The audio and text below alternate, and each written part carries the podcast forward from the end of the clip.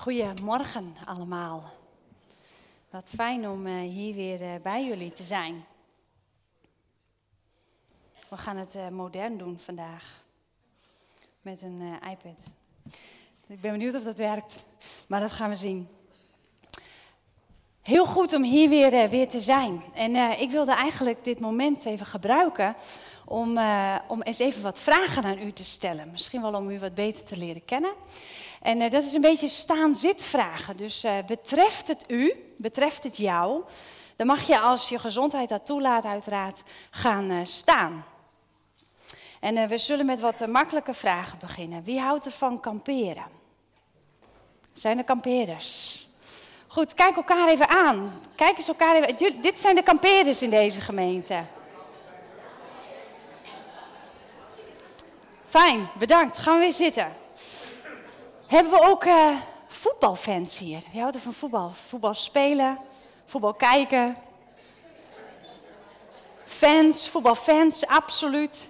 Ja, kijk eens even rond. Er zijn ook voetbalfans hier. Wie houdt van alles wat maar met motoren te maken heeft? Auto's, motors, motoren. Zijn er ook een aantal? Wel voornamelijk de mannen. Ja, bij voetbal ook al. Dank jullie wel. Natuurliefhebbers. Zijn er mensen die echt natuurliefhebbers zijn? Ja, ik zie je hand. Kijk eens, een heel groot deel, hè? Geweldig. Mooi. Een iets lastigere vraag. Wie twijfelt wel eens aan God? Wie twijfelt wel eens? Wie twijfelt wel eens aan God? Kijk eens, kijk eens om je heen. Twijfelaars. Ja mag gaan zitten. En nog een, en ook best wel een intieme vraag. Wie voelt zich wel eens eenzaam? Wie voelt zich wel eens alleen? Kijk eens. Iedereen wel eens natuurlijk. Maar er zijn mensen die daarvoor uitkomen en gaan staan. Geweldig, bedankt. Wij willen ergens bij horen. Wij willen ergens aan vast kunnen klampen. Het zit in onze natuur om ons verbonden te willen voelen met andere mensen. En is dat niet in een gemeenschap als een kerk of iets dergelijks, dan zoeken we dat op allerlei andere terreinen. Jij bent hiervan, ik ben daarvan. Wij zijn van iets en daar voelen we ons aan verbonden. Nou, ik heb, wij hebben dat ondervonden uh, in de, tijdens het kamperen, uh, hoe het ergens bij horen ook op een andere manier kan worden ervaren en ook verschillend wordt ervaren. Wij zijn ook echte kampeerders en wij hebben een paar jaar terug onze caravan verruild voor een vouwwagen, want we vonden de caravan iets te veel luxe hebben. Nou, een vouwwagen heeft nog steeds veel luxe. Maar uh, dat, caravan is geen kamperen meer. Nee, nee. Dus we zeiden, we willen onder een tent slapen. Nou, dan willen we wel wat gemak. We gaan op zoek naar een vouwwagen. En zo hebben wij een aantal jaren geleden, werden wij verliefd op het merk Campoes. Ik weet niet of er kampeerders zijn die het merk Campoes kennen. Heeft fantastische vouwwagens. Daar moesten we even voor sparen, dus dat hebben we dan ook een tijdje gedaan. En toen konden wij onze Campoes Lazy Jack kopen. Helemaal blij, zes persoons. Dus met z'n vijven kunnen wij daarin kamperen. En uh, dat is wel een opvallend ding. Hij, valt wat, hij is wat een andere, andere uitstraling zeg maar, dan andere vouwwagens, dus hij valt op. En dat is op zich niet zo'n ramp, want er komen wel eens mensen vragen wat een leuke tenten, mogen ze van binnen kijken, et cetera. Maar op een gegeven moment, afgelopen zomer, zaten wij bij een boerencamping voor onze tent. En er komt een mevrouw aan, helemaal enthousiast lopen en, en op ons af. Kampoesers! We keken elkaar, ja, jullie hebben ook een LJ. LJ, LJ, LJ. En, en, voordat ik de stomme opmerking zou kunnen maken van wat bedoel je, dacht ik, oh, Lazy Jack. Dus ik zei, ja, dat klopt inderdaad. Ja, dus eh, nou, ga zitten. Want ze was helemaal enthousiast over, uh, over de campus en over het kamperen en, en, en de community, zoals zij die schetste, die daarbij hoorde. Een uh, Facebookgroep, kamperen, weekenden zijn er vol campuses om met elkaar te gaan kamperen. En uh, tips uit te delen en uit te wisselen. Hebben jullie ook gesleuteld aan jullie campus? Zij ze, nou nee, gewoon neergezet en zoals die is, zo is die. Wat hebben jullie dan gedaan? Nou, kom maar mee. Dus wij met haar mee en onderweg troffen we haar man en zei ook, ja, dat zijn die mensen, hebben ook een kampoes. En dus uh, meelopen en ze hadden van allerlei dingen hadden ze gesleuteld. En we hebben dus ook tips van hen meegenomen. Ze zeiden, oh, een buis daar, een plankje daar, een ophangsysteempje hier. Toch wel heel erg ideaal om zo ideeën uit te wisselen. Maar ergens bekroop ons dat van, jij hoort blijkbaar worden wij, doordat wij dit, deze kampoes hebben, worden wij geassocieerd met kampoesers en met de hele scene die daarbij hoort. En dat hebben wij niet zo. Wij ervaren dat niet zo. We hebben dat ding neergezet en het is gewoon een ding om te gebruiken en in te slapen. En aan het eind van de zomer dan ruimen we hem weer op en dan pakken we hem aan het begin van de zomer er wel weer bij. En deze mensen waren doordrenkt in de hele kampoes, materie en wereld. Het ongemak, doordat wij het voor ons gevoel niet zo serieus namen, was heel voelbaar. En was eigenlijk ook bijna wel uh, merkbaar bij haar. En ergens moesten wij toen we weer terugliepen, wel een beetje om elkaar lachen, Hendrik en ik. Een beetje gniffelen, zo van, ah, weet je, we hebben ons dus helemaal niet zo in ondergedompeld. En we gingen ons ook verexcuseren. Dat wij daar niet bij hoorden. We gingen een soort van gemak doen. Zo van, ah ja, maar weet je, zulke kampeerders zijn wij nou ook weer niet. En uh, ja, je, ja, we hebben de dingen om te gebruiken. En uh, we hebben het ook wel druk, dus we kunnen niet weekenden naar die campus, uh, kampeermomenten gaan. We gingen verexcuseren omdat er eigenlijk een beroep op ons gedaan werd. En dat is een beroep wat we al vanaf de zondeval op de mens zien worden gedaan. Namelijk schaamte, op het moment wanneer je er niet bij hoort. Alles eraan doen om de relatie weer te herstellen. En we worden met, met, uh, uh, nou ja, met, met dat wat wij ondernemen, worden wij geprobeerd ergens mee geassocieerd te kunnen worden. Voetballers met voetbal, Ehm, maar ook Feyenoorders en Ajax, hè, dat verschil is merkbaar, is voelbaar. Uh, wordt vaak ook ergens mee geassocieerd. Bepaalde voetbalclubs hebben een hardere kern, een, een negatievere hooliganclub dan andere voetbalclubs. We willen proberen met uiterlijke kenmerken iemand ergens mee te associëren. En dat komt omdat we een hele door grote behoefte hebben om ergens bij te horen. Om ook ergens bij te horen. En Brené Brown, ik weet niet of jullie haar kennen, zij is onderzoekshoogleraar maatschappelijk werk en ook christen. Die zegt daarover, de behoefte om bij te horen is een aangeboren menselijk verlangen om deel uit te maken van een groter geheel. Omdat dit zo'n primaire behoefte is, proberen we er alles aan te doen om die verbinding te ervaren. En hoe komt het dan toch dat wij die overijverige drang naar verbinding hebben. Waar komt dat vandaan? Hoe is dat ontstaan? Nou, daarvoor moeten we terug naar Genesis. Genesis 3. En vanaf vers 6. De man en zijn vrouw wonen samen in de tuin. En de Heere God had opdracht gegeven om in verbinding, niet eens opdracht gegeven, ze ervoeren verbinding met God. Ze leefden in verbinding met God. En ze bewoonden de tuin en ze wandelden door de tuin. En ze aten van al de vruchten van alle bomen. Ze genoten, denk ik, ook van de natuur. Dus een groot deel van de natuurliefhebbers dat waarschijnlijk daar ook zouden hebben gedaan. Maar op een gegeven moment komt daar de slang. Het hele bekende verhaal. De slang die begint de vrouw te verleiden. Van, goh, zou je dan niet van deze vrucht eten? En hij schetst hoe lekker deze vrucht is. En dan kijkt de vrouw naar de boom, vers 6.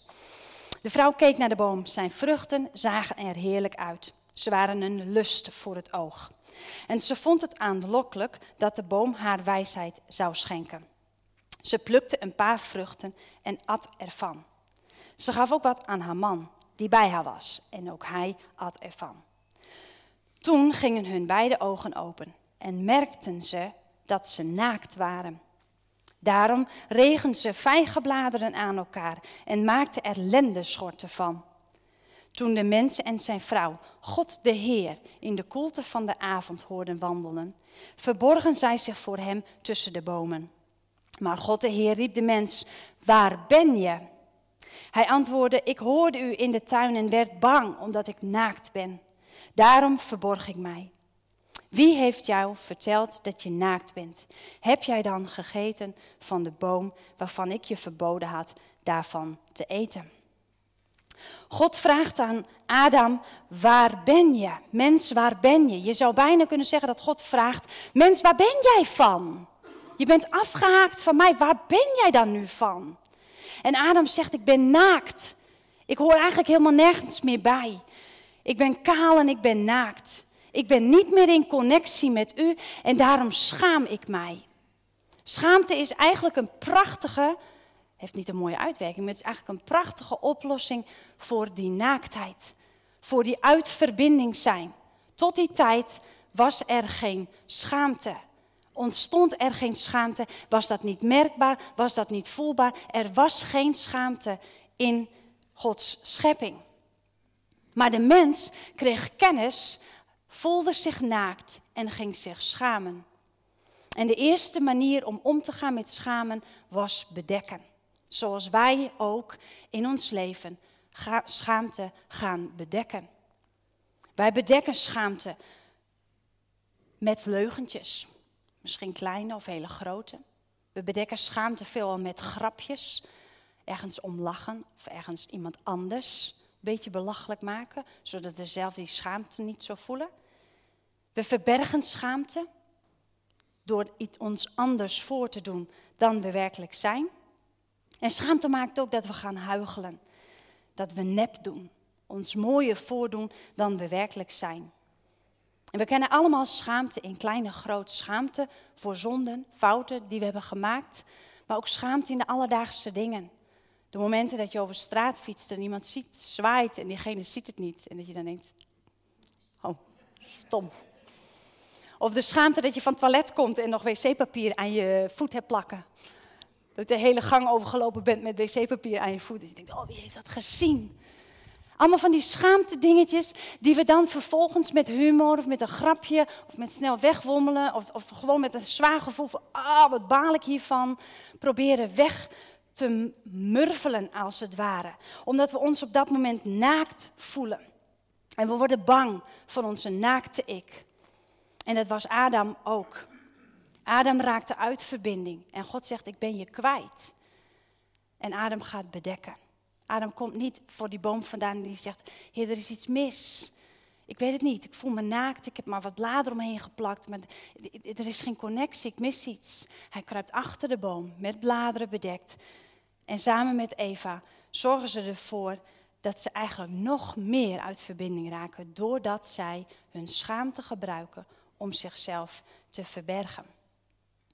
We zijn zo bang dat de ander onze waarde aarde, onze waarde ik, onze ware naakte ik ziet, dat we daardoor niet meer geaccepteerd gaan worden. Dat we continu strijden en moeilijkheden proberen te over, overkomen om maar goedkeuring te krijgen.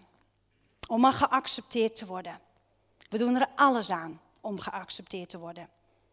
En op de momenten wanneer we merken dat we misschien wel niet meer langer geaccepteerd zullen gaan worden, en vaak vullen we dat zelf in, dan halen we allerlei capriolen uit om de relatie maar weer te herstellen.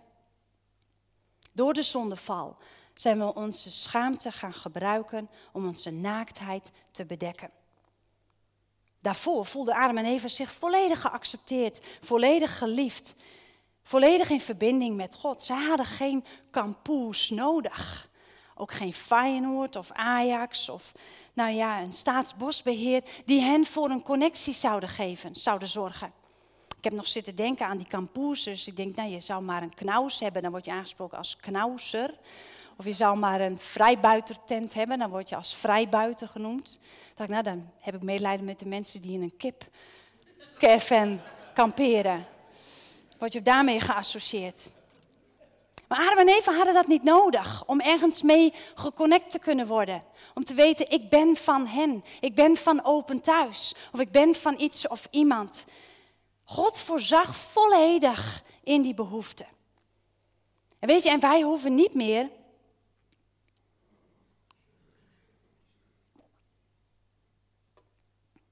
Wij hoeven niet meer langer als Adam en Eva te strijden. Capriolen uit te halen. Dagelijks onze vijgenbladeren weer aan elkaar te rijgen. Want we hebben een zoon van God in de hemel.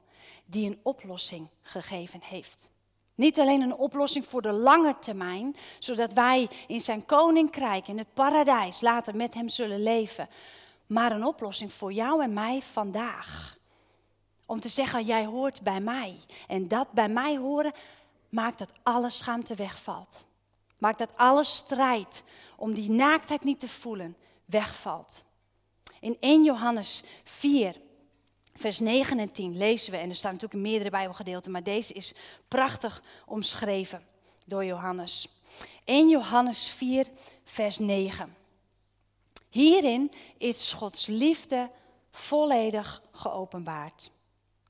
God heeft zijn enige zoon gegeven, gezonden, opdat wij door hem zouden leven. Geconnect zouden zijn, weer in verbinding zouden staan, het echte leven zouden gaan leven. Het wezenlijke van die liefde van God is niet dat wij God hebben liefgehad, maar dat Hij ons heeft liefgehad. Hij was het die zei: Mens, waar ben je? Waar ben je? Waar hang je uit? Waar heb je je verstopt? Waar heb, wat, waar heb je je vijgenbladen vandaan gehaald? Wat heb je uitgehaald? Wat voor smoesjes heb je verzonnen? Wat voor leugentjes heb je bedacht? Op wat voor manier heb je een ander belachelijk gemaakt, zodat je jezelf maar weer wat kon herstellen? Hij heeft ons lief gehad en zijn zoon gezonden om ons verzoening te geven voor onze zonden. Dan moeten we inzoomen op zonden. Want in het Nieuwe Testament wordt veelal over zonde gesproken. Terwijl in het Genesis 3 het woord zonde niet voorkomt. Naaktheid wordt er gezegd. De mens raakt uit verbinding en voelt zich naakt. Arie de Rover, hij is spreker en coach, heeft een boek geschreven, Genadeloos Goed. En hij zegt daarover, over de zonde, over die breuk die er ontstond tussen God en mensen. Hij zegt erover, zonde is niet verkeerde dingen doen. Zonde is je natuurlijke begeerte naar acceptatie, liefde, waardering en verbinding vervullen zonder God.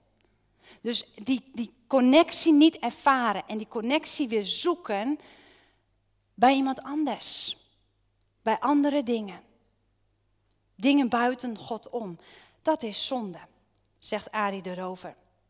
En als we hier dan lezen dat Jezus zich als Gods zoon eh, gezonden is om verzoening te brengen voor onze zonden, dan zou je kunnen zeggen, Jezus heeft ervoor gezorgd om verzoening te brengen, zodat er weer verbinding kan ontstaan. Zodat we weer acceptatie kunnen ervaren in God. Zodat we ons verbonden weten met Hem. Dat we onze naaktheid en schaamte kunnen afleggen. En alle liefde, waardering en acceptatie bij Jezus kunnen vinden. Zonde niet als verkeerde dingen doen. Maar zonde zien als verbinding en acceptatie willen ervaren. En dat bij iemand anders zoeken. Bij je partner zoeken. Bij je ouders zoeken. Bij je kinderen zoeken. Verbinding en acceptatie zoeken in je werk of in je hobby's. Verbinding en acceptatie zoeken door actief zijn in de gemeente of actief te zijn in Gods koninkrijk. Verbinding en acceptatie zoeken door in goodwill te komen bij je collega's door bij je vrienden de populairste te willen zijn. Door vooral in de straat op te vallen en mee te willen tellen. Verbinding en acceptatie zoeken buiten God om maakt dat wij continu fouten maken, verkeerde keuzes maken. En Jezus zegt: Ik breng verzoening, ik breng herstel van deze zonde. Als de kern van de zonde het zoeken is van verbinding en acceptatie buiten God om, dan is de kern van niet meer zondigen verbinding en acceptatie zoeken bij God. Verzoenen kun je noemen als verbinding herstellen. Jezus heeft de navelstreng naar God toe weer gereed gemaakt, weer aangelegd. Hij heeft wat, dat wat verbroken was in verbinding weer hersteld en geheeld. En wat dan met die schaamte? Want in de schepping, toen de mens verviel in zonde, toen de mens verviel in ongehoorzaamheid naar God toe, ontstond daar schaamte. En schaamte helpt ons om weer herstel te kunnen krijgen. Waarom? Omdat we dan allerlei dingen gaan uithalen. Schaamte maakt dat we soms lelijke opmerkingen maken of leugentjes maken, zodat een ander maar weer jou accepteert. Dus op sommige momenten kan schaamte heel effectief zijn. Maar we weten dat daar natuurlijk altijd zonde uit voorvalt, voorkomt. Ik vind het zo mooi dat Hebreeën met regelmaat iets zegt over schaamte. We hebben het ook gezongen, zo straks in het lied, hè? dat wij dan zonder schaamte voor Gods troon kunnen komen. Laten wij dan naderen zonder schaamte. Hebreeën zegt het ook met regelmaat. Die heeft met regelmaat benoemd, de Hebreeën schrijver, dat de verbinding die hersteld wordt, dan ook maakt dat we zonder schaamte en zonder schroom bij God kunnen komen. In Hebreeën 4, vers 14 tot 16 staat het volgende. Nu wij een hooggeplaatste hoge priester hebben, die de hemel is doorgegaan, Jezus, de Zoon van God, moeten we vasthouden aan het geloof dat we beleiden. Want de hoge priester die wij hebben, is er een die met onze zwakheden meevoelt. Die dus precies weet wanneer wij ons uit verbinding voelen gaan. Juist omdat hij, net als wij, ook in elk opzicht op de proef is gesteld. Met dit verschil dat hij niet is vervallen in zonde. Ik vind het zo bijzonder wat hier staat, want hij is wel op de proef gesteld. Ik kan me zo voorstellen dat Jezus in die zin wel schaamte heeft ervaren, maar niet naar die schaamte heeft gehandeld. Want die schaamte, naar die schaamte handelen. Schaamte maakt, oh, ik voel me niet meer geconnect met die ander. Ik word mogelijk buitengesloten. Dus ga ik dingen ondernemen om die relaties weer te herstellen. Ga ik allerlei acties uithalen. Ik ga liever doen, ik ga aardiger doen, ik ga grappiger doen. Ik ga me verexcuseren, ga leugentjes bedenken. Ik denk wel dat Jezus zich wel schaamde, maar dat hij niet verviel in die schaamte. Waarom niet? Omdat hij 100% geconnect was met God.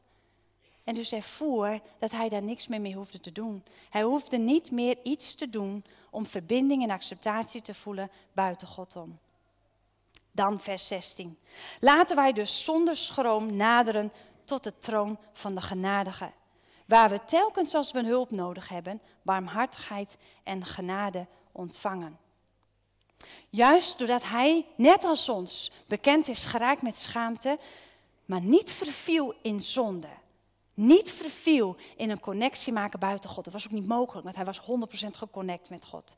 Was hij in staat om zich zo te verbinden met God en zo te verankeren met God. Hij verviel niet in zonde. En dus kunnen wij ook, want hij weet hoe het voelt, bij hem komen. En met hem die schaamte, die schroom onder ogen zien en tot hem naderen. Hij weet wat het inhoudt en hij is vol genade. Dit is de kern van erbij horen. Bij God horen. Weten dat al zou de hele wereld je buitensluiten. Als zou niemand je accepteren. Als zou niemand de verbinding met jou willen aangaan. Jij bent geconnect met God. De kern van ons leven is dankzij Jezus het herstel van wat er in Genesis 3 gebeurd is. Wanneer we ons naakt voelen. Wanneer we ons afgewezen voelen. Wanneer we bang zijn niet meer erbij te horen. Dan mogen we weten dat we dat niet hoeven te bedekken met bladeren of met smoesen of met wijzen naar anderen of met verantwoording afleggen.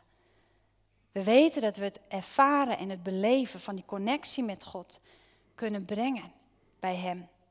Sorry, ik zeg het verkeerd, de disconnectie. Als we die ervaren, kunnen we dat brengen bij Hem. Want Hij weet hoe we in verbinding kunnen blijven, maar wij weten het ook. Doordat wij, dankzij Jezus, niet meer in zonde hoeven te vallen.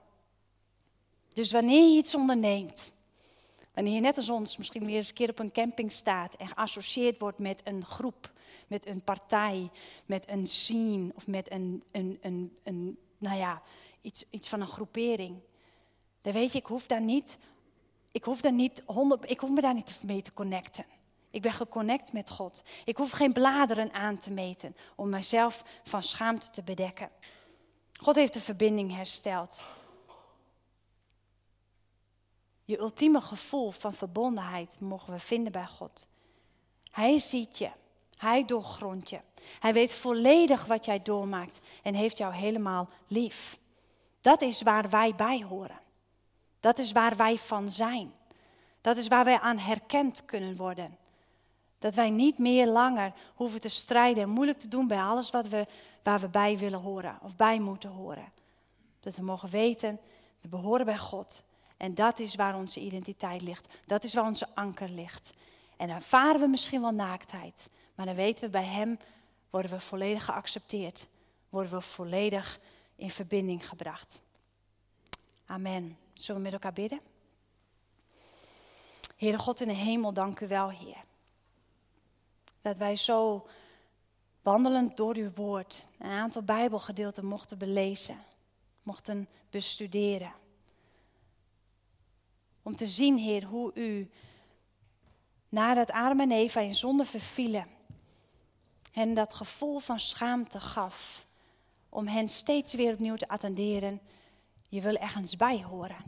Je wil geconnect zijn. Blaas dat verlangen aan om weer geconnect met mij te zijn. En dank u wel, Heere God, dat u uw zoon gegeven heeft, die die connectie weer volledig hersteld heeft. Waardoor we vrij, zonder schaamte, zonder schroom, voor u mogen komen, bij u mogen komen. Maar Heer, dieper nog, u laat ons ook dat diepe gevoel van verbondenheid en acceptatie ervaren. Daar waar anderen ons verguizen, daar waar anderen ons misschien wel buitensluiten. Bent u in staat om die diepe gevoel, dat diepe gevoel van verbondenheid te geven? Waardoor angst en schaamte geen plek meer krijgen en geen plek meer hebben. Ik dank u, Heer Jezus, dat u ook beproefd werd. Dat u weet hoe wij ons voelen wanneer we buiten een groep staan. Wanneer we niet meer geconnect zijn met andere mensen. Wanneer andere mensen ons verguizen of vernederen. U weet het, Heer, hoe het is om schaamte te voelen. En dank u wel dat u ervoor koos om daar niet naar te handelen. Om niet bladeren te rijgen, leugens te bedenken, opmerkingen te maken om eigen schaamte te bedekken, eigen naaktheid te bedekken. U was in staat om in volledige connectie met uw vader te blijven en ons op die manier voor te leven. Dat dat het belangrijkste is in het leven. Dat dat de weg is naar een gelukkig leven, een voltooid leven. Heer, en ik ben u dankbaar dat u in het voorleven daarvan ons ook een belofte geeft. In de hemel zal je daar vrij van zijn. Vrij van verlangen naar acceptatie, vrij van verlangen naar geconnect zijn. Want daar ben je in, het, in, in, in connectie, in verbinding. Heer, daar kijken we naar uit, daar verlangen we naar. Heer, en tot de tijd dat we hier op aarde zijn, willen we u bidden. Wilt u ons leren om te leven vanuit verbinding met u? Om niet meer langer te leven vanuit Genesis 3, maar te leven vanuit 1 Johannes. De komst van Jezus, die de zonden op zich genomen heeft, die de schaamte en de schuld op zich genomen heeft. We zijn u dankbaar daarvoor. Heer, we bidden u, wilt u het in ons hart bewerken? Ieder naar onze eigen behoeften en naar ons eigen niveau wat we nodig hebben. In de naam van Jezus. Amen. Amen.